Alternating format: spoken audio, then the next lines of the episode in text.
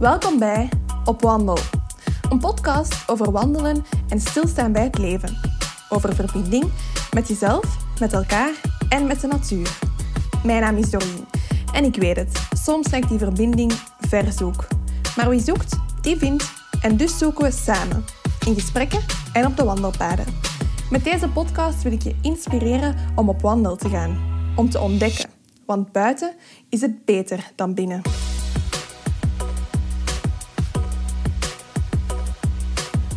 Een tijdje geleden wandelde ik langs het inclusiepad Chemin 37. Dat is een rolstoel- en buggyvriendelijk pad. Het is deels aangelegd voor de bewoners van het zorgcentrum Ganspoel. Dat is een centrum voor kinderen en volwassenen met een beperking. En tijdens het wandelen zag ik enkele van die bewoners rustig langs het wandelpad lopen. En terwijl ze aan het genieten waren van al het moois en de verbinding met de natuur opzochten, zagen ze er zo ontzettend ontspannen uit. Hun gezicht sprak boekdelen en het raakte mijn hart. Op dat moment besefte ik twee dingen. Eén, hoe belangrijk het is om elke dag dankbaar te zijn. Voor de natuur, maar ook voor het feit dat ik elke dag kan gaan wandelen.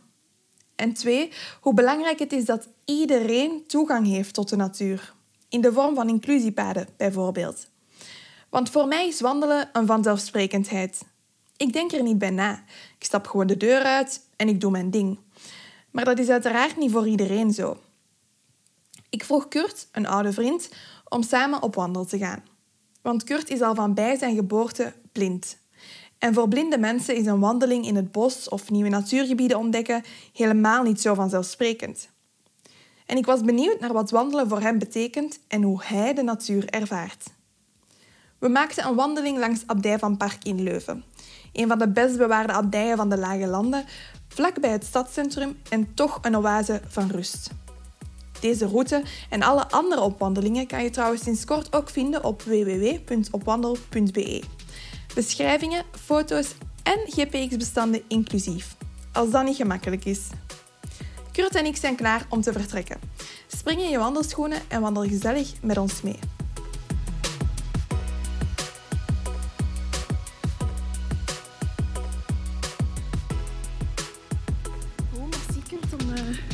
Met mij op wandel te gaan. Dat is uh, graag gedaan. Had je er zin in? Eigenlijk wel. Ja? Ja, ja. Wandelt je graag? Ja, eigenlijk. uh, zeer, ja, zeer graag eigenlijk. Ja. ik denk dat wandelen misschien de meest uh, toegankelijke vorm van beweging is voor mij. Mm -hmm. Ja, buiten thuis wat, wat dingen opheffen of zo dan. Maar, ah ja, maar, doe je dat ook? soms. Ja. Um, ja, dus vandaar. Uh, en het is ook wel leuk om zo een keer buiten te zijn natuurlijk. Ja, het zonnetje op je gezicht. Ja, inderdaad. Zeg, ik ken u natuurlijk, maar de mensen Ja. die naar de podcast luisteren, die, die kennen u nog niet. Nee. Uh, wie is Kurt? Uh, Kurt is een uh, blinde man van 29. Mm -hmm. um, ja, uit Leuven. Die, ja... ja het is Geboren en getogen? Um, nee, ik uh, ben geboren in Braschaat. Ah ja. Um, en dan heb ik altijd ja, in de Noorderkempen gewoond, eigenlijk tot mijn ja, 13, 14 Mm. eigenlijk ongeveer. Mm -hmm. Hoewel ik altijd ook op internaat heb gezeten in Huldenberg. Dus ook niet zo heel ver van Leuven. Ja.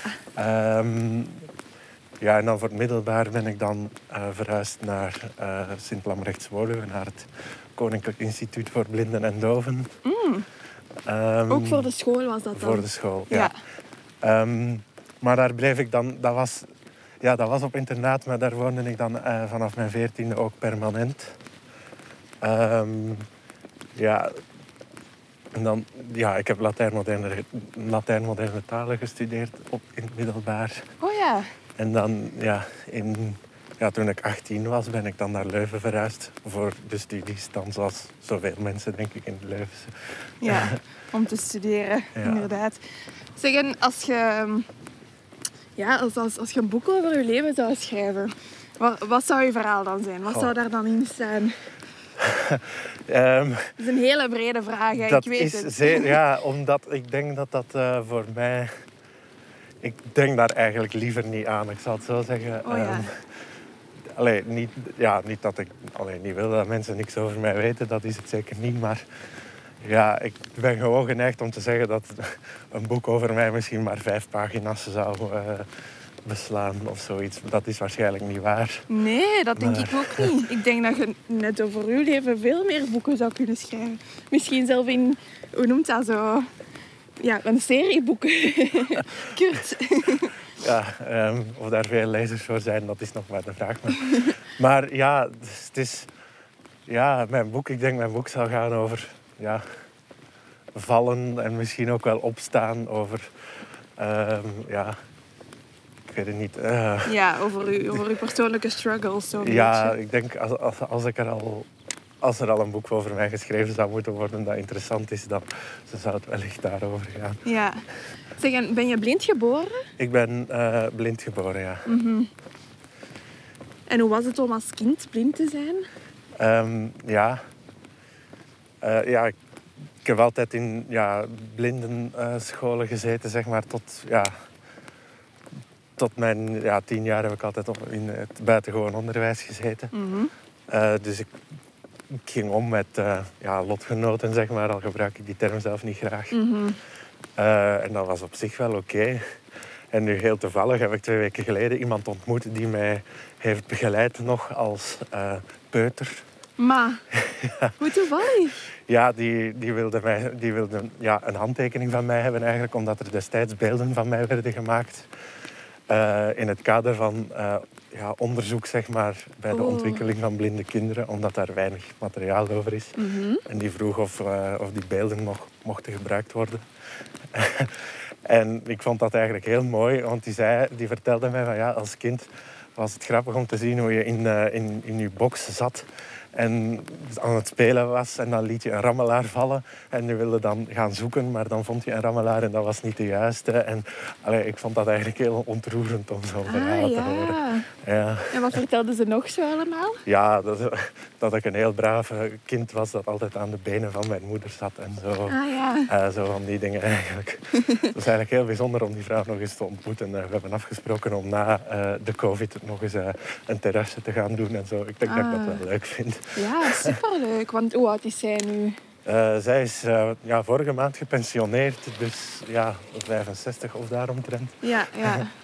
Dus, ja. Allee, ja inderdaad, want als je rammelaar valt.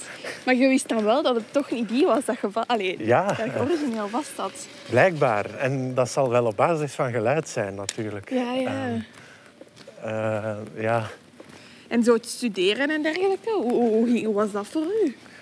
Ja, natuurlijk, op een, ja, natuurlijk anders dan ehm, ja, voor gewoon, ja, gewone mensen, zal ik het maar noemen. Eh, hoewel ik in een tijd ben gekomen waarin er natuurlijk heel veel vooruitgang is gemaakt op, op het gebied van technologie en zo.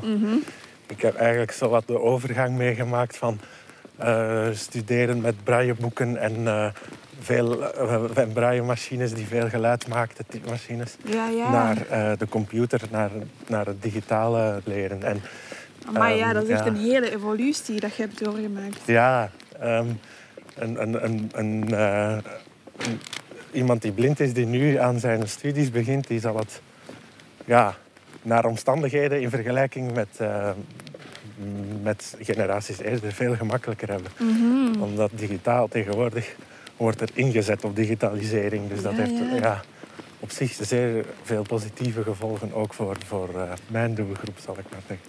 Maar dus je hebt wel eerst in, in Braille gestudeerd en dan daarna is, zo, is, ja, is, is de laptop eigenlijk gekomen of de computer. En dat heeft u dan wel geholpen om, ja, om die studies misschien wat haalbaarder te maken. Ja, ongetwijfeld. Mm -hmm. um, en, want wat heb je weer gestudeerd?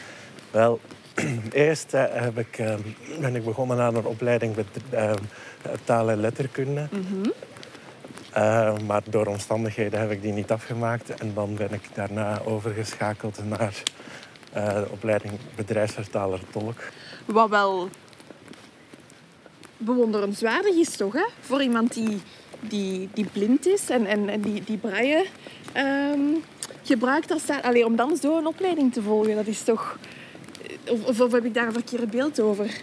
Is dat niet moeilijk, omdat dat een taal is die je niet, niet kan ja, niet kan zien? Of, of hoe gaat dat in zijn werk? Uh, het, het, het, is sowieso niet uh, het meest evidente, al denk ik dat er veel richtingen zijn waarbij het moeilijker zal, zou gaan. Mm -hmm. um, ja, het is een kwestie van... Ja, waar ik het bij, bij vertalen tolk het meeste problemen mee had. En ook een van de redenen waarom ik eigenlijk ook daarmee gestopt ben. Eh, naast andere, eh, is dat het programma dat wij bij de opleiding gebruikten absoluut niet toegankelijk was voor ja, schermuitleessoftware, zal ik het noemen. Ah Ehm, ja, oké. Ehm, het was, ja...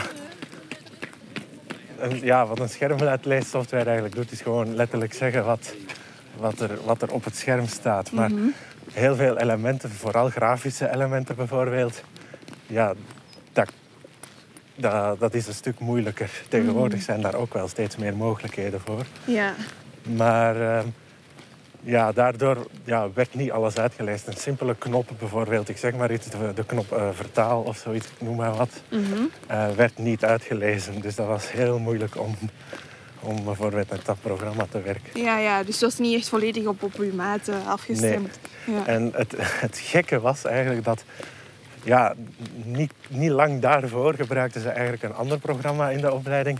En dat was wel toegankelijk. Het enige probleem was dat dat ook veel duurder was. Oh, oké. Ja. Dat heb ik later eigenlijk allemaal zelf een beetje moeten uitzoeken. Dus, dus ja. Zeg, en welke talen spreek je dan nu allemaal? Ehm, nou ja, ik zou willen zeggen dat ik eigenlijk ja, vooral Nederlands en Engels spreek. Ehm, maar ik zou me ook wel een beetje kunnen uitdrukken in het, eh, in het Frans eigenlijk, in het Spaans en tegenwoordig ook wel in het Italiaans. Dus, Amai! ja, En je zegt een beetje uitdrukken. Ben je bescheiden als je dat zegt? Of, of... mogelijk. Maar ik, Ja.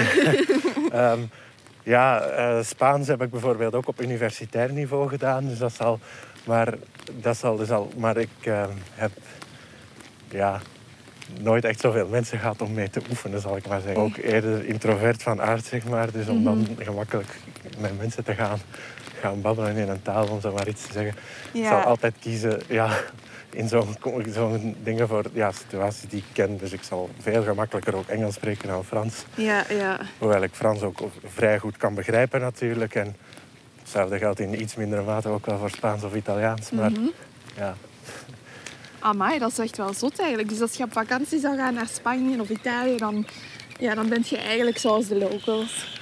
ja, zo ver zou ik niet willen gaan. Maar Komt in de buurt. zou in ieder geval niet de klassieke toerist zijn die denkt dat hij in zijn eigen taal geholpen zou kunnen worden. Ja, ja. En zo qua, qua werkervaring of qua job, hoe, hoe, hoe ziet dat er voor u uit? Ehm, ik heb eigenlijk niet zo heel veel werkervaring, ook om verschillende redenen. Een belangrijke reden is dat het voor mensen met een beperking niet zo gemakkelijk is om een, eh, een job te vinden, vooral een goede job dan. Ehm, maar ik heb eh, een tijdje als vertaler gewerkt voor, voor een nieuwswebsite die artikels over Turkije verzamelde. Hola. Ehm, ja, dus, maar daar ben ik uiteindelijk ook mee gestopt, omdat eh, ja, het was nogal veel eh Erdogan-gezind en ik ben niet zo Erdogan-gezind zelf. Oh, oké, Dus zoals wel politiek gekleurd. ja, nogal. Eh, dus, dus daarmee. Wat zou uw droomjob zijn? Oh, een hele goede vraag, want eigenlijk droom ik niet zo heel veel. Nee? Ehm, nee. Of iets wat dat je wel graag zou doen misschien? Ja, het, dat, is, het- dat is natuurlijk het, het liefste wat ik zou hebben. Een job waar dat ik me enerzijds nuttig in zou voelen, maar anderzijds die ik ook leuk vind. Ja.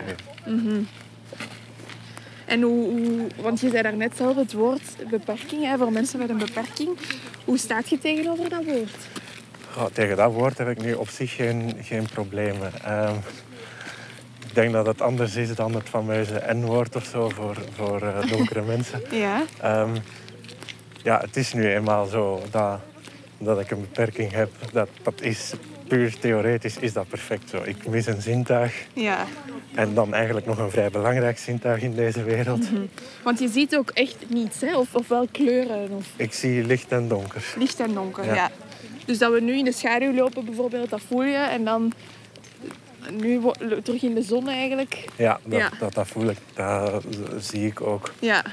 Maar dat is dan ook wel het enige. Dus, Ja. ja. Oké. En eh, ja, het woord beperking, ervaar je dat ook echt als een beperking? Of zijn er ook ja, dingen die aan blind zijn, die toch een verrijking zijn voor u? Ehm, een verrijking, ja, misschien wel. Ehm, Ja, ze zeggen altijd dat, dat eh, iemand die blind is beter kan horen en zo. Ah ja. ja. Ehm, dat is niet helemaal waar, maar eh, het klopt natuurlijk dat er bijvoorbeeld wel veel geluiden zijn of veel dingen op basis van geluid eh, die, ja, eh, die een voordeel kunnen zijn voor mij, zal ik maar zeggen. Mhm. Ja, ik bedoel, voor mij is dat, ja, dat er nu mensen voor mij lopen op, ja, wat zou het zijn, een meter of, een meter of vijf misschien. Ik weet niet, ik kan slecht. Dat Iets verder nog. ja, oh ja, oké. Ja. maar allee, dat zijn dingen waar ik nu zelf... Allee, die ik zelf ook wel belangrijk vind als ik zelfstandig op, op straat loop. Ja, ja. Dus eh, het, ja, het ding is wel als je zo bijvoorbeeld, hè, ze zeggen dat toch eh, in- de meditaties, hè, sluit je ogen en focus je op het gevoel. Hè, Eh, Ja. Maar dan merk je ook wel dat als je je ogen sluit, dat je inderdaad wel eh, gewaarder wordt van, van de andere omgevingsgeluiden of geuren of, of sensaties. Ja. Maar dus jij zegt van ja, eigenlijk hoor ik niet, niet per se beter of zo. Nee, ehm, maar het is zoals je net zelf ook al zei. Het is, en dat hoor ik van veel mensen ehm, die zich wel al eens hebben laten eh blinddoeken of, eh, of iets dergelijks. Van, ja, het lijkt alsof inderdaad geluid en geur dan beter gaan, gaan binnenkomen. Ja, het, ik denk dat het ook zo is dat, dat we het moeten zien. ja. Ja. Dat het toch wel wat, wat beter binnenkomt. Zeg, hoe ervaar jij nu dan zo het, het alledaags leven als, als 29-jarige man? Ja, Eh, ik trek mijn plan, laten we het daarop houden. Eh, Ja, dus ja. Ehm, ja. Ja, wat valt daar verder nog over te zeggen? Eh, ja, we hebben nu natuurlijk ook COVID en dat maakt de dingen ook voor een stuk moeilijker. Al was dat vooral een jaar geleden zo. Nu, nu valt dat eigenlijk nogal mee, vind ik. hoe, hoe, heeft, hoe heeft corona uw leven veranderd? Ja, eh, ja, ik volgde destijds, als het begon, volgde ik bijvoorbeeld een opleiding creatief schrijven. Eh, die is dan ook plots niet meer doorgegaan. Ja, Ehm, omdat het moeilijk was om dat eh, via digitale kanalen te doen.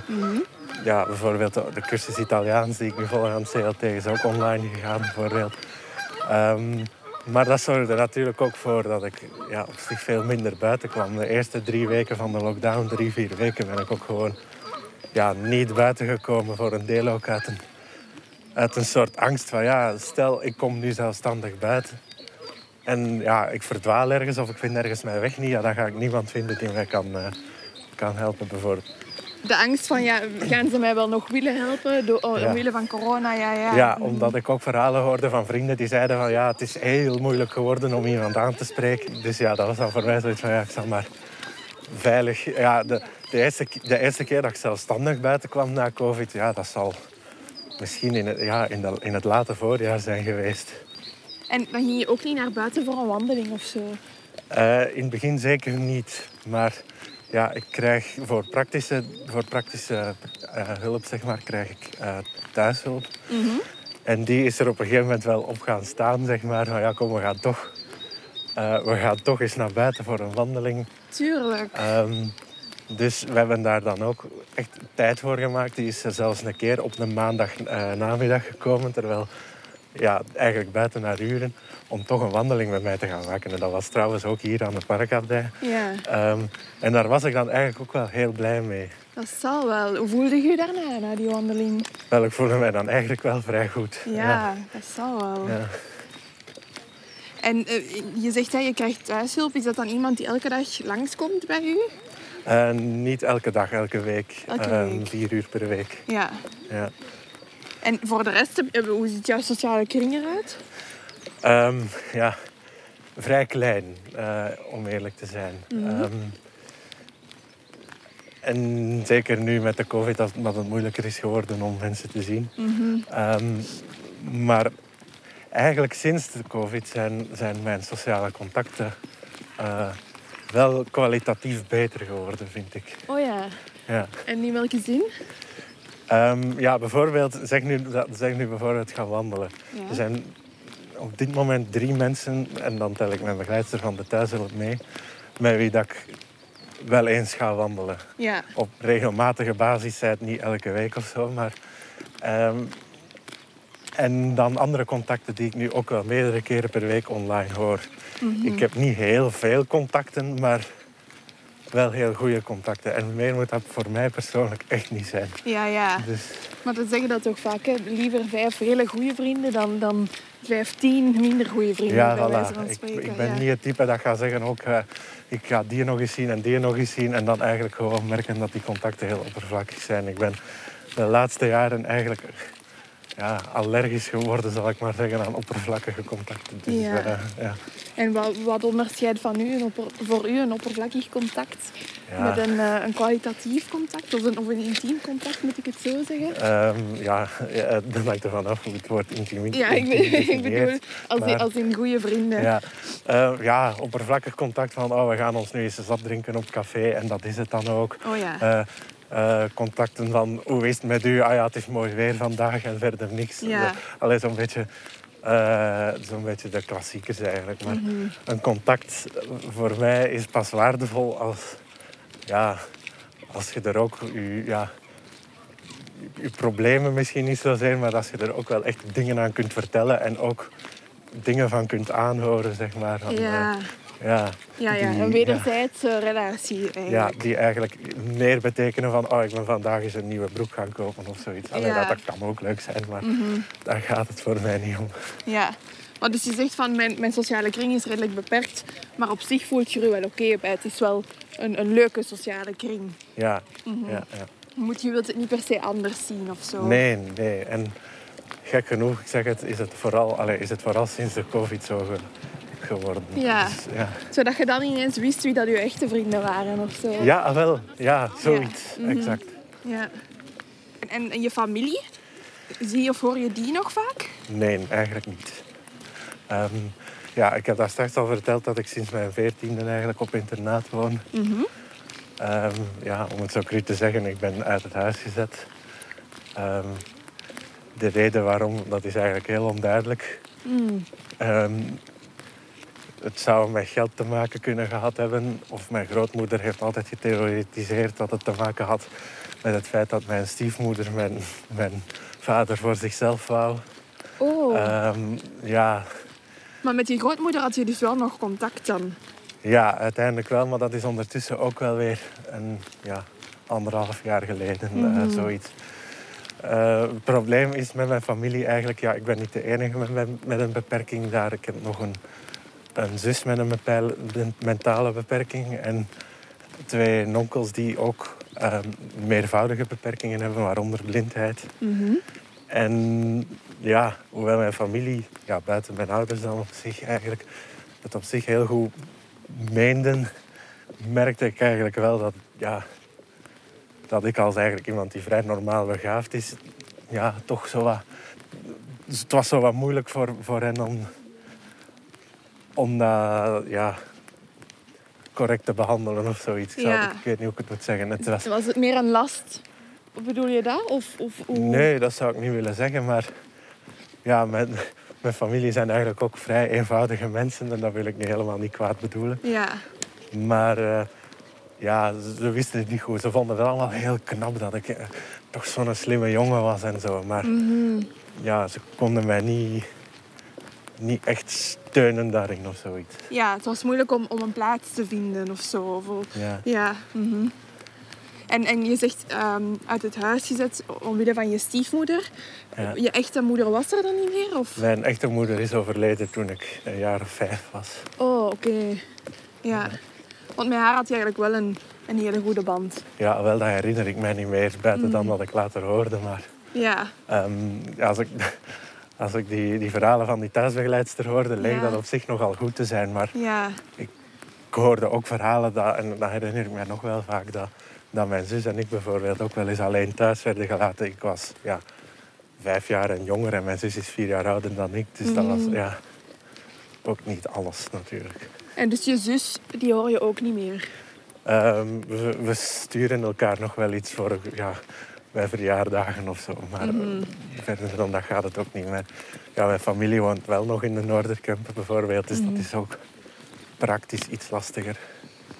En ehm, de vraag die ik nu ga stellen is misschien best direct, maar heb je er nood aan om hem nog terug te zien? Of heb je het een plaats kunnen geven? Ik denk dat ik het wel een plaats heb kunnen geven. Ehm, ja, mijn familie is heel... Ik vind dat zelf heel cru om te moeten zeggen, maar... Het is niet dat ik hen echt mis of zoiets. Ja. mhm. En hoe heeft uw leven, allee, of hoe heeft die ervaring en die, die achtergrond u gevormd tot wie je vandaag bent? Ja, ik denk eigenlijk vrij veel. Ehm, ja, als ik wel de, de ondersteuning zou gekregen hebben die ja, een, een, een goede familie zou gegeven hebben. Wacht, hè, hier even door het poortje. Ja, zal hernemen. Ehm, als ik wel de goede steun had gekregen van mijn familie als, als ze had gemoeten, dan denk ik dat ik nu ja, heel ergens anders zou staan. Misschien had ik dan nu wel een, een, een goede job gehad of een eh, weet ik veel wat. Of een, Ja. eh, allee, had- had ik de, de struggles niet gehad die ik nu wel heb gehad. ja. Dus ja, Omdat je nu vooral ehm, ja, jezelf hebt moeten ondersteunen. En dat je misschien wel wat extra advies of, of steun had kunnen gebruiken. Bedoel je dat? ik denk het wel. Ja. Ja. En je zegt de struggles die je nu ervaart. eh, welke zijn dat dan? Ja, ehm, de belangrijkste die ik mij recent heb gerealiseerd eigenlijk, is dat ik er blijkbaar toch niet echt in slaag om, eh, om dingen af te maken. Mm. Ehm, ja, mijn opleiding bijvoorbeeld. Mhm. En het was eigenlijk, ja, het stomme is, het was eigenlijk niet zozeer omdat het niet goed ging in mijn opleiding, want eigenlijk ging het wel goed. Ehm, ja, is misschien wel ja, de meest belangrijke die ik niet heb afgemaakt. Dus, ja. Wat zou de reden daarvoor kunnen zijn? Heb je daar al over nagedacht? Ja, ik denk dat daarvoor de belangrijkste reden is dat ik eigenlijk nooit echt goed heb geweten wat ik nu eigenlijk wilde. Mhm. En eigenlijk weet ik het nog niet. Nee, maar ja, weten we dat? Weet iemand dat? Ik denk dat er wel mensen zijn die dat weten.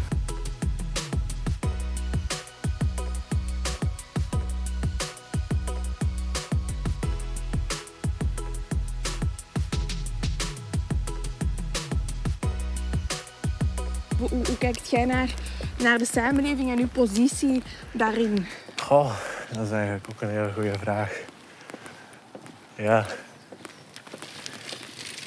Ik denk dat het ja, voor een stuk ook wel te maken zal hebben met het feit dat ik altijd op internaat heb gewoond in een, in een redelijk beschermde omgeving. Mhm. En ja, toen ik ging studeren, ja, werd ik inderdaad de samenleving ingegooid zonder eigenlijk goed, goed te weten wat ik dan eigenlijk moest doen. Mijn eerste echte ja, moeilijkheid, mijn die eerste dieptepunt, als ik het zo moet noemen, heb ik eigenlijk gehad in het eerste jaar dat ik, dat ik in Leuven woonde en studeerde. Mhm. Daar heb ik toevallig daar vorige week op mijn Facebook eh, nog herinneringen over gezien. Ehm, en ja, ik denk dat dat ook voornamelijk was dat het, ja, ja, er werd van mij verwacht dat ik inderdaad met een plan trok. En toen was dat, ja, toen was dat toch wel moeilijk. Allee, ik trok een plan, maar ja, eh, bijvoorbeeld ook verwacht dat ik zelf, ik zeg maar iets, zelf met, met, met docenten contact opnam voor cursusmateriaal. Ah ja, Maar dat, dat vond ik, en ik, ik vind dat, ja, nu, nu, nu gaat dat wel beter, maar toen vond ik dat ongelooflijk moeilijk. Ik, dacht, Mhm. ik zat echt met zo'n ding als, ja, ik kan zo mensen toch niet last, lastig vallen met, met, ja, met mijn problematiek, zal ik maar zeggen. Mhm. Ehm, ja. Ja, en want op het internaat, allee, dat was... Dat was eh, ja, je zei het daar straks al, dat was mijn lotgenoten. Dus eigenlijk, ehm, ja, alles was zo eigenlijk op jullie maat afgestemd. Maar dan komt je in de grote wereld, om het zo te zeggen. En dan, Ja. dan was dat niet. En je had eigenlijk nooit geleerd hoe dat je je daaraan moest aanpassen. ja, zoiets. Om, om nu een heel concreet ander voorbeeld te noemen. Dat ik bijvoorbeeld ja, als, als 18-jarige niet wist, eh, allee, of, of niet echt kon koken. Ehm, omdat mensen bij mij op internaat, die leerden dat allemaal in hun opleiding. Mhm. Maar ik woonde wel op internaat, maar ik ging naar het gewoon onderwijs, dus ik miste dat. Ah. Ehm, daarbij kwam dan eigenlijk nog dat toen ik pas in Leuven woonde op kot, dat ik ook niet durfde koken. Want ik kwam in die allee, ik kende die mensen nog niet, dus ik moest dan in die keuken komen waar dat iedereen binnen kon komen. Ah ja, dat was zo'n gemeenschappelijke ja, ruimte. En dat terwijl ik dan eigenlijk zelf nog niet goed wist, eh, puur praktisch, hoe dat ik het moest aanpakken. Dus ik vond dat ongelooflijk moeilijk. Uiteindelijk is mij dan voorgesteld om dat ik kon mee eten met mensen. Dat was een, een kot met omkadering. Dus voor mensen met een beperking die daar dan woonden, die konden dan ja, praktische hulp krijgen. Bijvoorbeeld om naar de les gebracht te worden of te koken en zo. En daar heb ik dan uiteindelijk aan meegedaan. Eh, dus daar heb ik dan wel mee geluk gehad. Anders dan denk ik dat ik... eh, ja, Had je niet gegeten? ja, dat weet ik niet, maar in ieder geval weinig eh, voedzame dingen. Ja, maar er waren dus wel, allee, ik bedoel alternatieven, of er waren wel ehm, ja, oplossingen of, of, of inderdaad zo van, zoals een kot met omkadering, die er wel voor konden zorgen dat, dat ze jou konden ondersteunen. Ja, Mhm. ja. Is dat makkelijk te vinden, die ondersteuning? Of is dat toch nog moeilijk in, in onze samenleving? Nee, eigenlijk, eigenlijk denk ik dat dat, dat, dat, dat dat op zich wel gemakkelijk is. Eh, Mhm. al zijn er natuurlijk eh, de horrorverhalen bekend van mensen die al twintig jaar op wachtlijsten staan voor geld en zo, om hun ondersteuning te krijgen. Maar ja, dat is dan voor, om het zo cru te zeggen, de zware gevallen. Dus in mijn geval valt dat eigenlijk allemaal heel goed mee. Mhm. Eh, dus ja, Met zware gevallen bedoel je mensen die ook een mentale achterstand hebben bijvoorbeeld? bijvoorbeeld. Ja. En Mhm. mensen die ja, in, in voorzieningen, zoals dat tegenwoordig wordt genoemd, eh, wonen.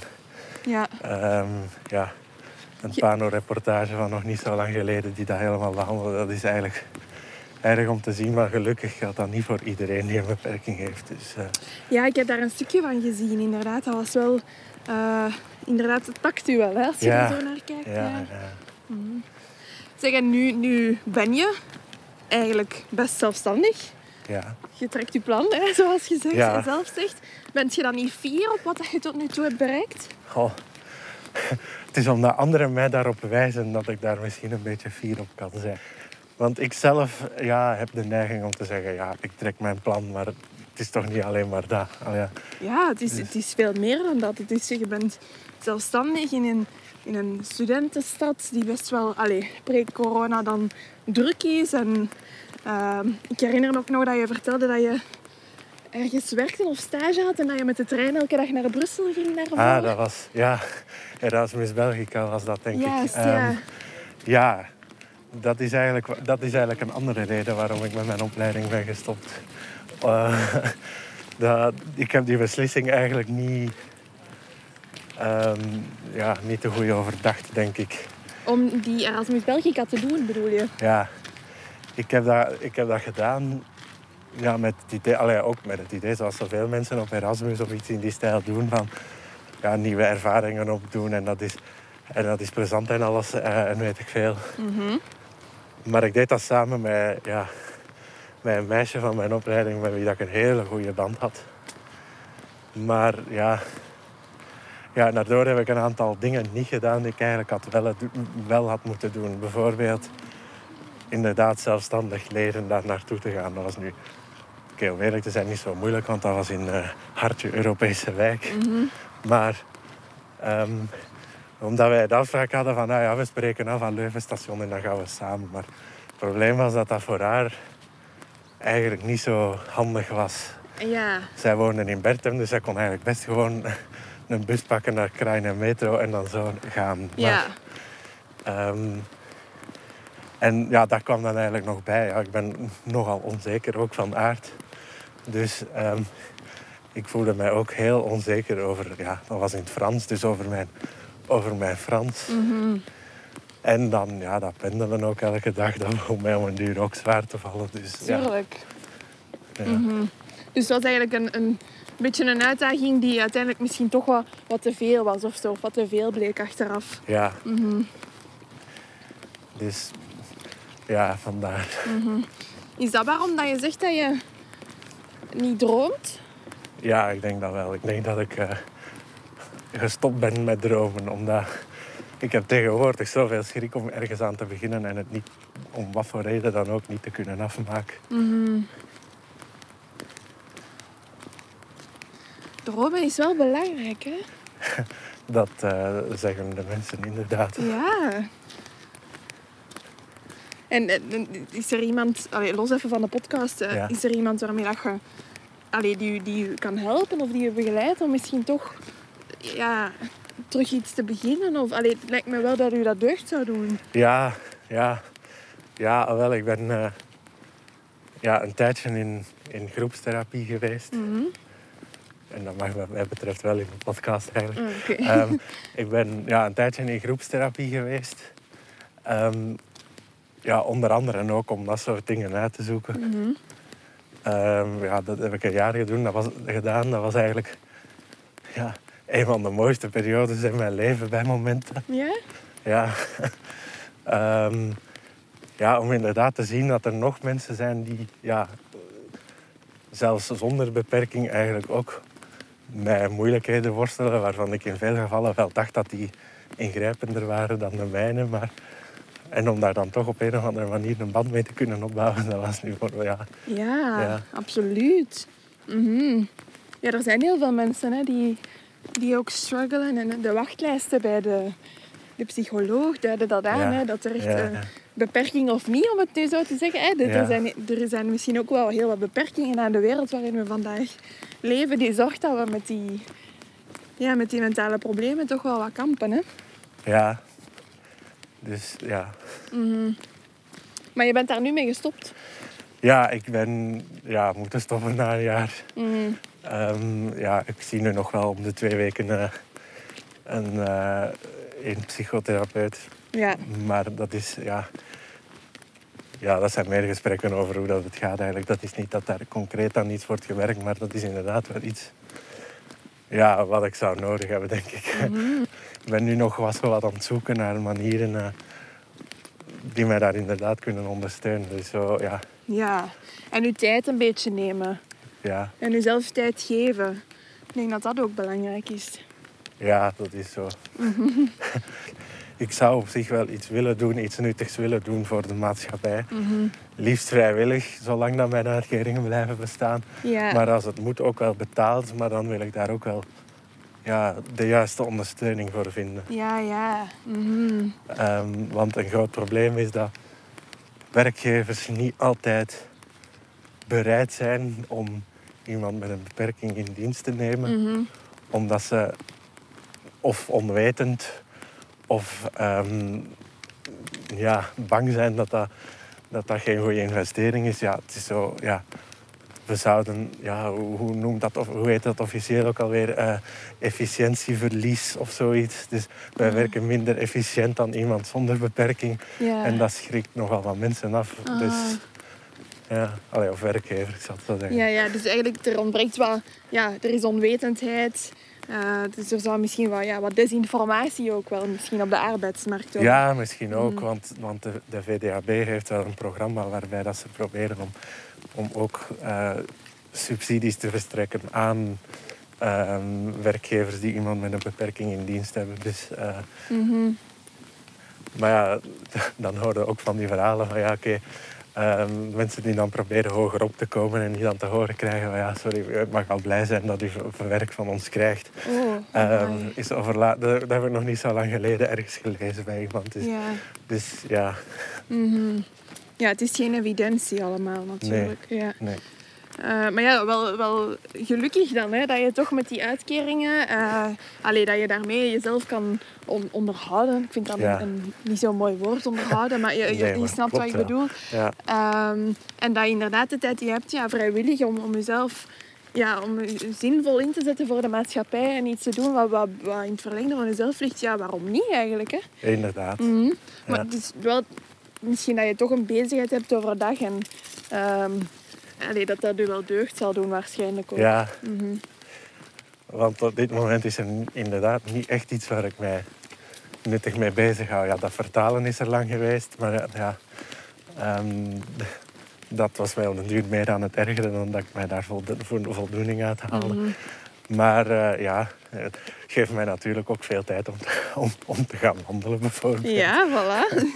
of om te filosoferen over het leven, of om een boek te schrijven. Ja, ja, wel.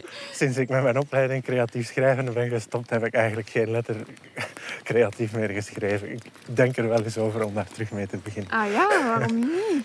Ja, Want je hoort wel aan u dat je een, hele mooie, een heel mooie taalgebruik hebt. Dus Dank u wel. ik twijfel er niet aan dat als je als, als schrijvend dat dat ook wel iets moois zou kunnen, mooi zou kunnen zijn.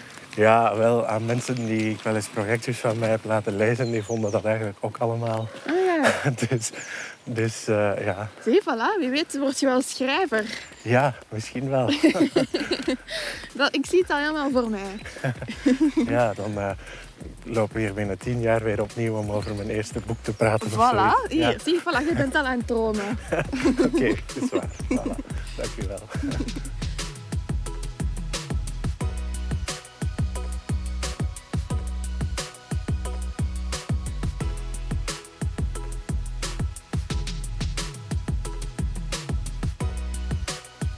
podcast gaat over wandelen, de, de blog gaat over wandelen. En ehm, voor mij is dat een ontzettende vanzelfsprekendheid.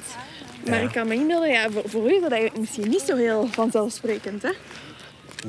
Nee, echt wandelen om te wandelen eh, is inderdaad niet zo heel zelfsprekend. Eh, ik kan natuurlijk, ja, de dingen die ik zelfstandig te voet kan doen, die doe ik wel. Ik ga ja, meestal te voet naar het station bijvoorbeeld. Dat is dan toch ook al een, een wandelingetje van, van een flink kwartier als je doorstapt. Ja, maar ja. echt gewoon wandelen zoals wij nu doen, dat doe ik bijna nooit. Allee, dat doe ik eigenlijk nooit zelfstandig. Eh, voor mij ja, is wandelen in zekere zin ook een beetje een, eh, een sociale gebeurtenis. Ja, Ehm, ja, omdat er altijd een begeleider of, of een vriend bij is die eigenlijk... Ja. mhm.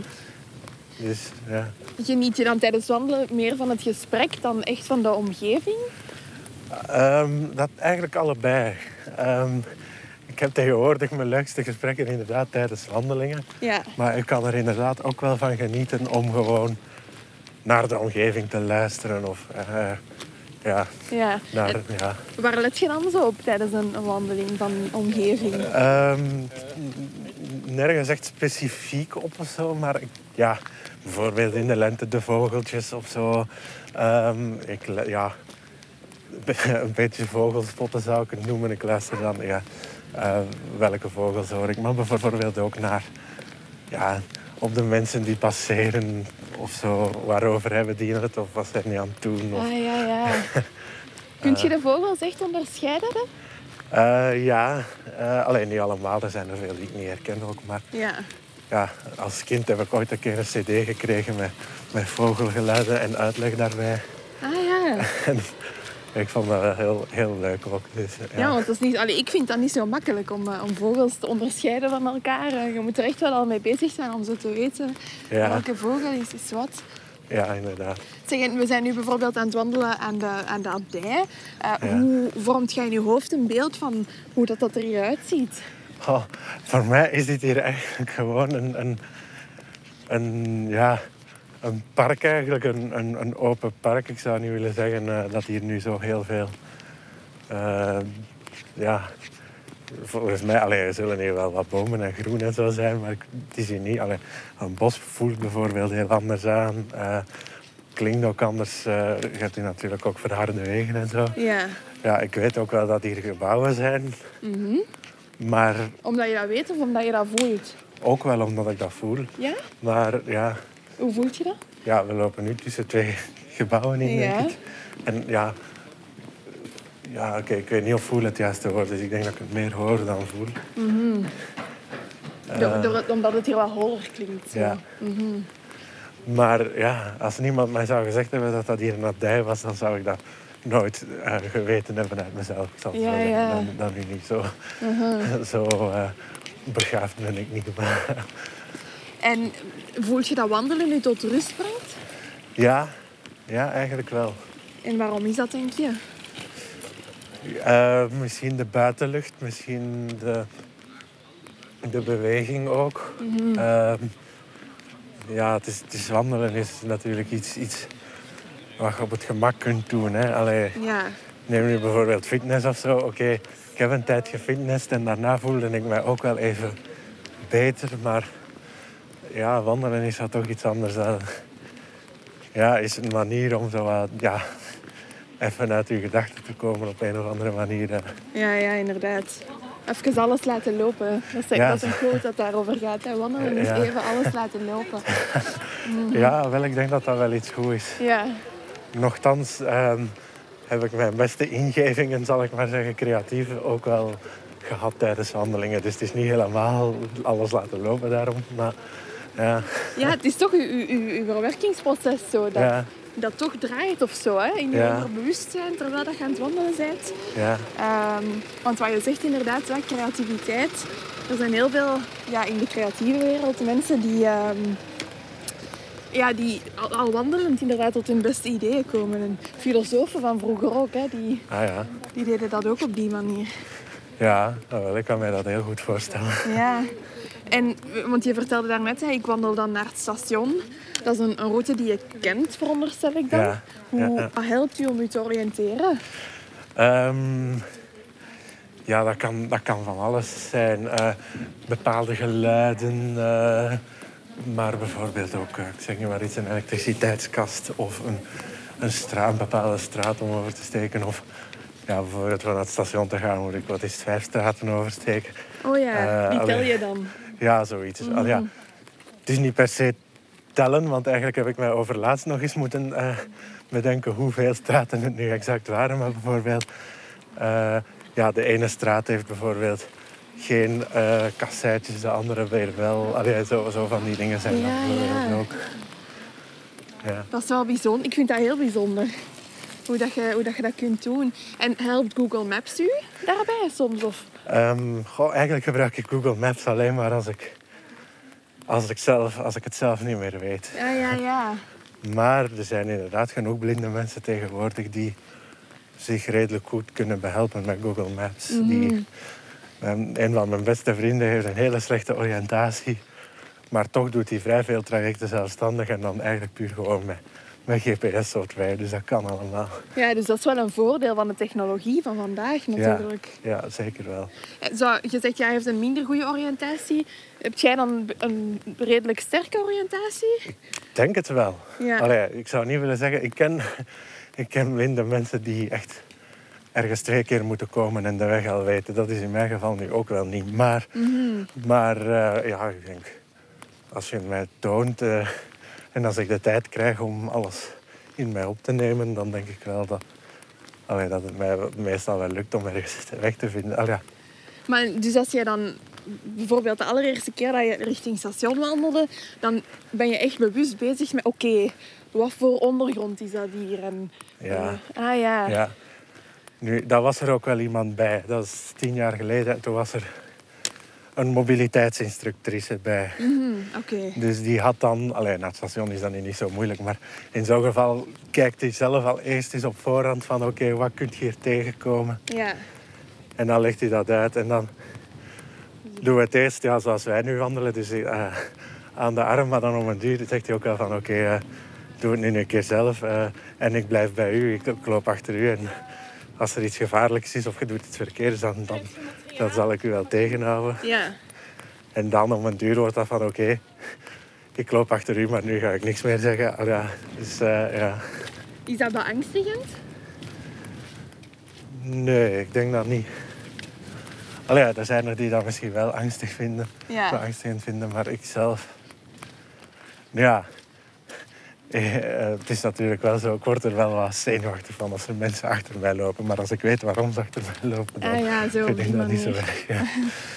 En vind je het makkelijker dan om, om in de stad te wandelen dan in de natuur? Eh, zeker wel als ik zelfstandig loop, natuurlijk. Mhm. Ik zou hier bijvoorbeeld niet, niet zo graag zelfstandig lopen. Hoewel ik denk dat het hier op zich ook niet zo heel moeilijk zal zijn. Maar Omdat de ondergrond eigenlijk niet altijd hetzelfde is, bedoel je? Mm, Ja, nee, eigenlijk niet per se de ondergrond, maar het is hier ook veel wijder, veel opener. Ik, ik loop bijvoorbeeld ook niet zo graag zelfstandig op de, op de grote markt, bijvoorbeeld, of op het Ladeuzeplein. of Ah zo. ja. Ja, Omdat er, ja, het is dan moeilijker om je te oriënteren omdat het zo open is. ja. Mm, interessant. Mhm. En zo, ja, een boswandeling. Want ja, nu hier is de ondergrond best oké. maar ja, in het bos heb je putten en modder en takken. En, en, dat is ook alleen haalbaar eigenlijk als, als je met, met iemand bent. ja zeker. Ja, het ideale ze- zeker wel. Ehm, ik denk dat ik zelf ook niemand ken die, die echt door een bos moet gaan voor bepaalde allee, die echt alleen door een bos moet gaan als, als blinde. Dat, ik denk dat ik dat ook niet zou, zou willen. Nochtans, ik kom eigenlijk heel graag in, in de bossen en in de natuur. Maar, Ja. maar eh, ja, dat zou ja, veel lastiger zijn. Ja, zoals gezegd, putten ook, maar boomstronken of bomen of struiken of, of brandnetels. Of, Ja. ja, dat zijn dingen die je niet, alleen niet zomaar hoort of, of voelt ja, als het te laat is.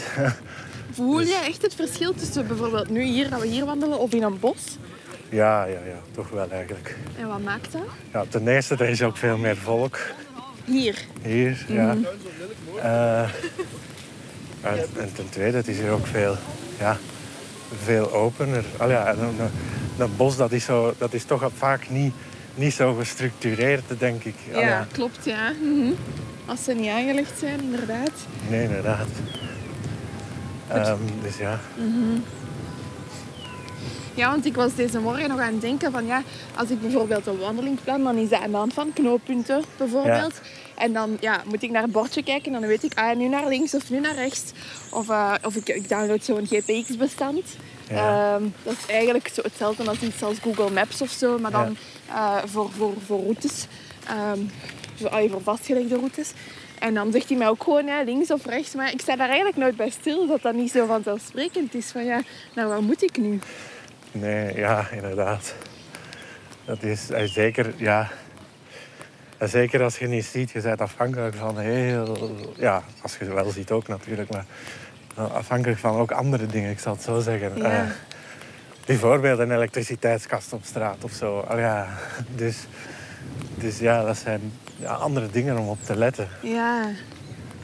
En zijn er dingen die, die jou het wandelleven makkelijker zouden kunnen maken?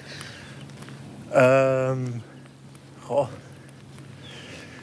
Ja, misschien als er een of andere software komt die, ja, waar je inderdaad ook een, een, een, een tour kunt inplannen bijvoorbeeld. Hè. Eh, En ik denk, allee, de meeste GPS-software die ik gezien heb en die ik zelfstandig kan gebruiken, die kan wel zeggen, oké, eh, breng mij nu naar die specifieke locatie. Ja.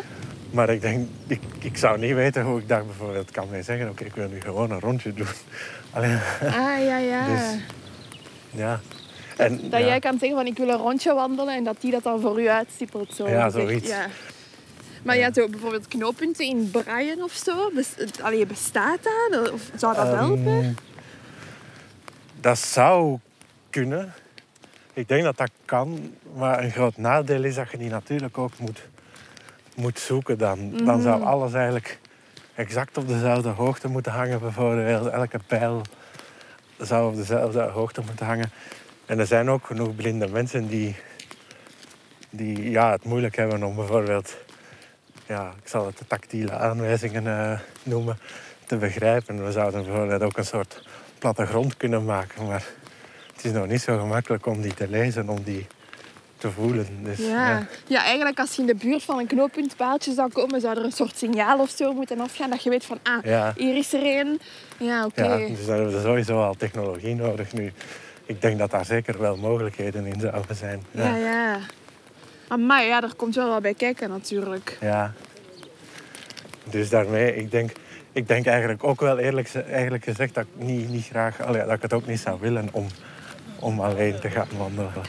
Ja, meer over ja, initiatieven hè, voor, voor te wandelen. Ja, Want bijvoorbeeld nu, ik ga in de zomer ehm, ga ik naar IJsland om te wandelen. wauw. Ja, heel veel zin in. Ehm, Of we gaan in de Franse bergen een toertje doen met een gids.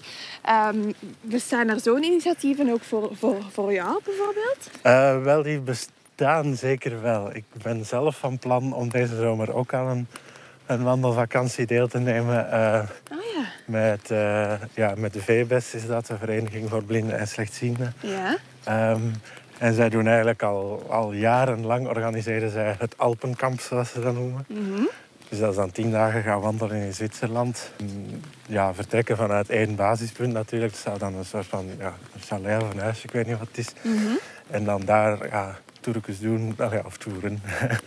Eh, en ja, ik had daar eigenlijk vorig jaar al wil, willen aan meedoen. Maar ja, om de ondertussen zo vertrouwde redenen is dat toen niet gelukt. Ja. Eh, maar deze jaar probeer ik het gewoon opnieuw.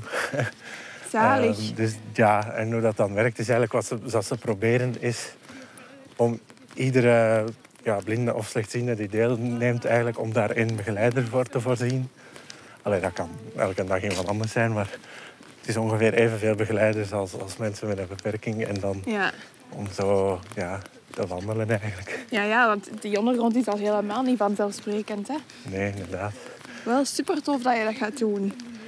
Ja, wel, ja, ik ben er zelf een beetje, zelf een beetje zenuwachtig voor, om het zo te zeggen. Ja, Omdat, ja, eh, toch wel weer een andere, ja, een andere omgeving. Ik zou heel graag reizen, maar het is een andere omgeving. Het gaan ook mensen zijn die ik niet ken of, of, of, zo, of niet goed ken. ja, Dus ja, dat is voor mij altijd wel wat aanpassen. ja. Maar dat heeft meer met mijn persoonlijkheid dan met mijn beperking te maken. ja dan leer je die kennen. dat is waar. Voilà. Ehm, maar ja, ik, ik wil dat zeker, ja, ik wil dat zeker ook wel doen. Ook voor een stuk omdat ik een paar zomers geleden eigenlijk gemerkt heb dat... Ja, toen had ik eigenlijk niks aan de hand. En toen, ja, toen heb ik mij op een bepaald moment ook heel slecht gevoeld. Eh, dus ook voor een stuk daarom.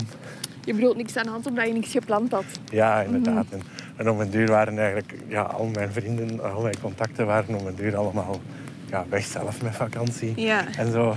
En dat was dan die, die week dat het hier 40 graden geworden is. Die moment was mijn airconditioning kapot ook nog. Oh nee. En ja, zo van die dingen. Dus ik heb mij toen om al die redenen tegelijk heel slecht gevoeld. En toen dacht ik, van, ja, ik moet vanaf volgende zomer toch wel minstens één grote activiteit eh, Ja. hebben. eh. en dat was dan die, die wandelvakantie. eh. En wat maakt dat je kiest voor een wandelvakantie in plaats van... Ja, ik kan me inbeelden dat er ook wel al-in vakanties zijn. Hè? En een hotel en een zwembad. Want dat interesseert mij niet. Nee? nee, zo simpel als dat. Ehm, Ja. Ik wil, ik wil zeker graag reizen, maar op het strand liggen kan ik hier in België ook. En Ja. tegenwoordig, tegenwoordig is het hier niet eens zo slecht weer meer. Nee, voilà.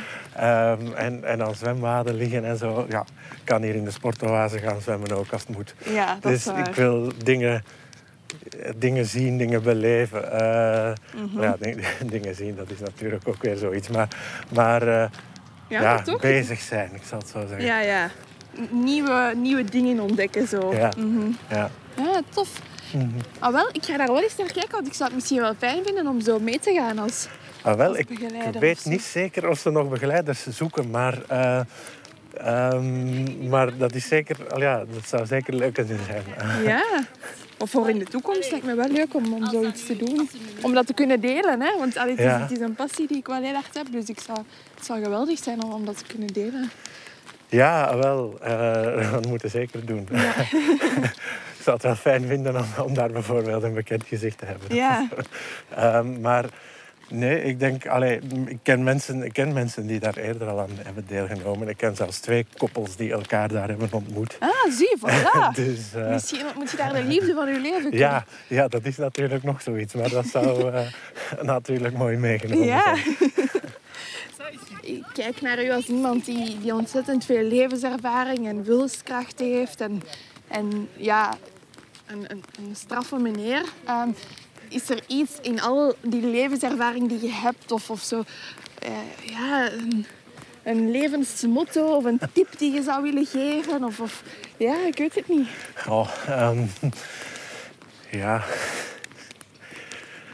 Misschien eigenlijk vooral, eh, misschien vooral eh, dat je vooral moet, moet doen waar je jezelf goed bij voelt. Eh, Ik denk dat dat misschien het, het allerbelangrijkste is. Ik zelf heb zoveel dingen gedaan waar dat ik mij niet echt onmiddellijk goed bij voelde. En dat heeft zich dan uiteindelijk om een duur op een of andere manier gewroken. Ja, Ehm, dus ja, dus vooral voelen.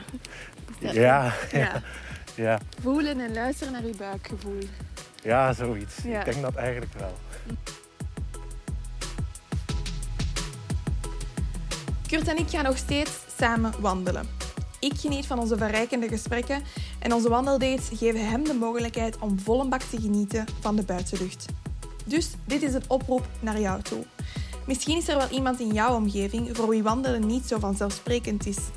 Neem hem of haar dan eens mee op wandel. Samen de natuur beleven, elk op jullie eigen manier. Het geeft een wandeling net dat tikkeltje extra diepgang. Als je geniet van gesprekken en wandelingen als deze, vergeet dan zeker niet om je te abonneren of een rating te geven. Je kan op Wandel ook steunen met een gift. En hoeveel kies je helemaal zelf. Alle info vind je samen met de show notes op www.opwandel.be. En wil je helemaal niets missen van de Opwandelavonturen? Volg ons dan op Instagram, opwandel, en word lid van de gratis Facebook community. Tot de volgende Opwandel dus. Maar wacht vooral niet tot dan om zelf al in je wandelschoenen te springen. Want je weet, een dag niet gewandeld is een dag niet geleefd. Ciao!